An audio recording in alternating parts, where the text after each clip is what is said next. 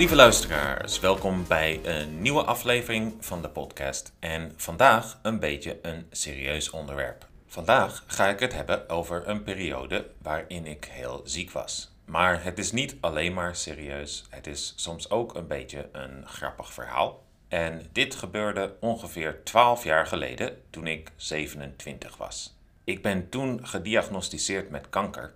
En misschien hebben jullie dit zelf ook wel meegemaakt, of kennen jullie mensen die dit hebben of hadden. Ik heb gemerkt dat het mensen helpt als ze van andere mensen horen die hetzelfde hebben meegemaakt. En daarom wil ik dit vandaag met jullie delen.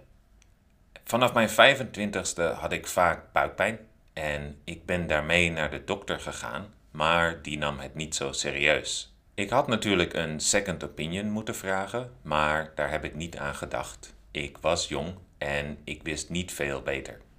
Ik heb toen een jaar in Turkije gewoond en ben daarna verhuisd naar Japan en ook daar had ik nog steeds last. Na een tijd was de pijn te erg en ben ik weer naar de dokter gegaan. Dit keer in Tokio en daar namen ze het meteen serieus. Ze hebben een onderzoek gedaan met een camera en ik kon op het scherm meekijken. In mijn dikke darm vonden ze iets. Ze hebben een stukje uit mijn darm genomen om het te onderzoeken. En na dit onderzoek moest ik weer terug naar het kantoor waar ik werkte. En ik moest een week wachten op de uitslag, de resultaten van het onderzoek. Ik dacht toen, laat ik op Google kijken naar foto's van het ergste dat ik me kan bedenken, kanker. En als ik dan zie dat het er heel anders uitziet, dan weet ik in elk geval dat het dat niet is. Maar ik zag op Google exact wat ik net op het scherm bij de dokter had gezien. En ik wist dus al wat de uitslag zou zijn en dat was een stressvolle week. Je hebt twee soorten kanker, die noemen we goedaardig en kwaadaardig. Een goedaardige tumor is niet zo'n probleem, maar een kwaadaardige tumor kan zich door je lichaam verspreiden en je heel ziek maken.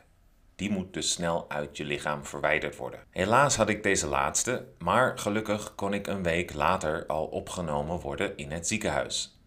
Ondertussen waren mijn ouders ook naar Japan gekomen. Zij konden in mijn appartement verblijven terwijl ik tests liet doen in het ziekenhuis. En toen ik weer even naar huis mocht, hebben mijn ouders een hotel gezocht.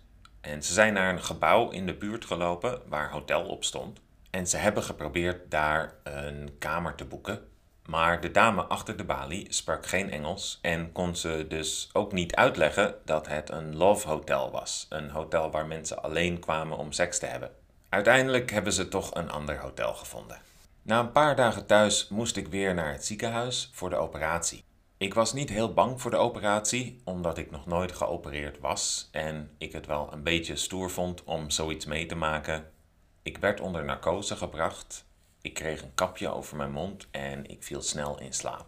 De dokter sprak niet zo goed Engels, dus in plaats van een mooi verhaal over de risico's te hebben verteld, had hij mij en mijn ouders heel direct verteld: 1 op 1000 patiënten gaat tijdens de operatie dood.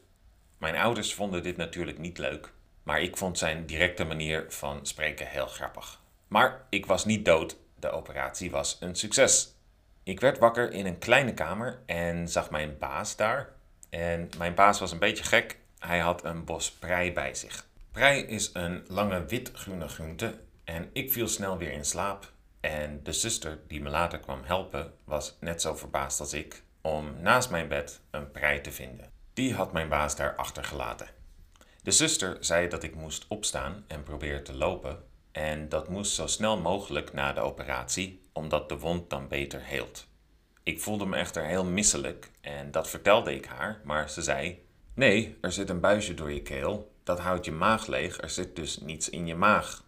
Ik zei: Nee, ik ben misselijk. Ze zei: Dat kan niet. Dus ik ging zitten en ik gaf over, over haar uniform. En zij was heel verbaasd, maar ik niet. Toen ik een paar dagen later een beetje kon lopen, leerde ik hoe het voelde om oud te zijn en niet goed te kunnen lopen. Alles deed pijn en ik kon maar kleine stappen zetten. Daarbij moest ik me vasthouden aan de reling langs de muur.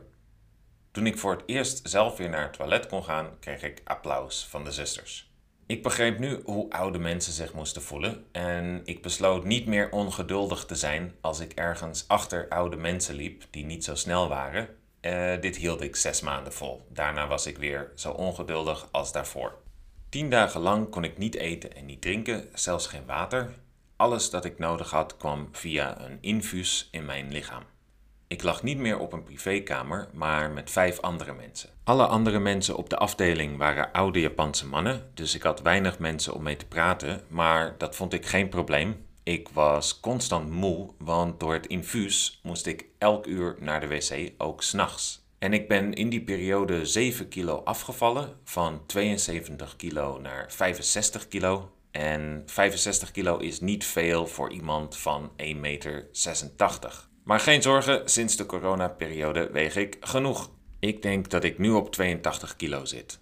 Ik heb drie weken in het ziekenhuis gelegen voordat ik naar huis mocht. En ik kon nog niet veel eten, dat mocht niet. Ik mocht alleen simpele dingen eten, die niet hard waren. In het ziekenhuis had ik alleen rijstpap gekregen. Eerst zelfs zonder rijst, alleen het water waar rijst in gekookt was. En dat was zo vies, ik heb daarna een jaar lang geen rijst kunnen eten. In het ziekenhuis had ik op de zevende verdieping gelegen en dit was de hoogste verdieping en ik had mooi uitzicht over de bossen en de bergen in de verte. En ik dacht vaak, ik wil graag nog een keer de bergen zien voordat ik doodga. Dus als ik uit het ziekenhuis kom, ga ik reizen. En ik denk dat dat iets Nederlands is, de bergen willen zien, want omdat we in Nederland geen bergen hebben, voelt dit als vakantie.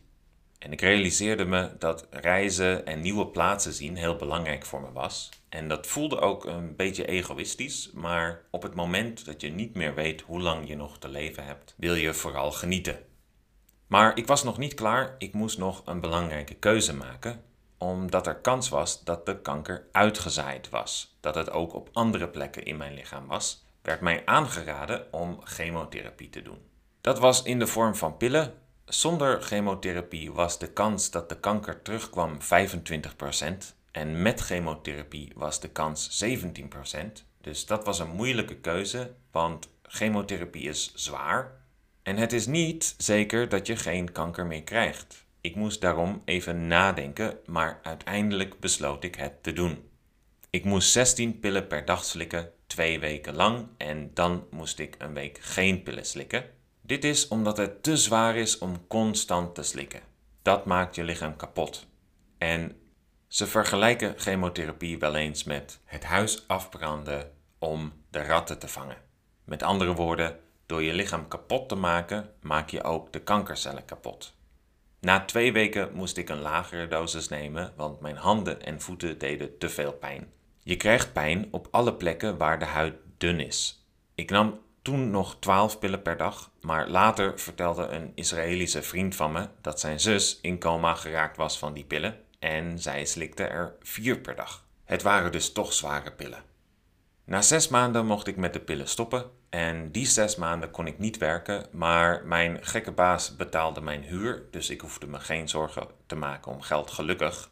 En een jaar later had hij zelf kanker. Hij reed in zijn Porsche cabriolet en kon opeens niet meer zien, een paar seconden later stond hij stil tegen een lantaarnpaal. Zijn auto was kapot en in zijn hoofd vonden ze een tumor ter grootte van een golfbal.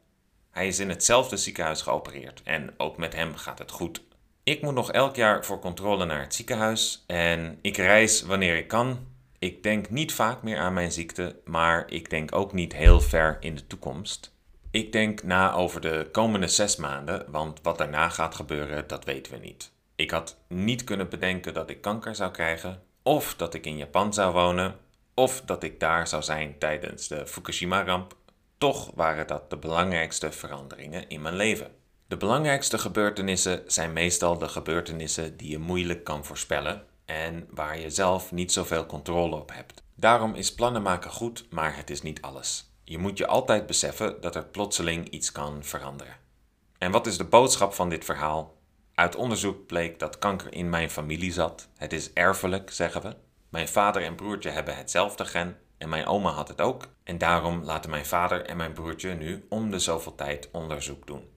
Als je kanker snel vindt, dan kun je het ook beter bestrijden en hoef je niet, zoals ik, een operatie en chemotherapie te doen. Het is dus beter één keer te vaak naar de dokter te gaan dan één keer te weinig. Dat is het voor vandaag. Zorg goed voor jezelf en blijf allemaal gezond. Je kunt me altijd een berichtje sturen via Instagram at Dutch, dat is B-E-N-K-Y-O Dutch, of via YouTube op Dutch Today. Tot de volgende keer. Doei!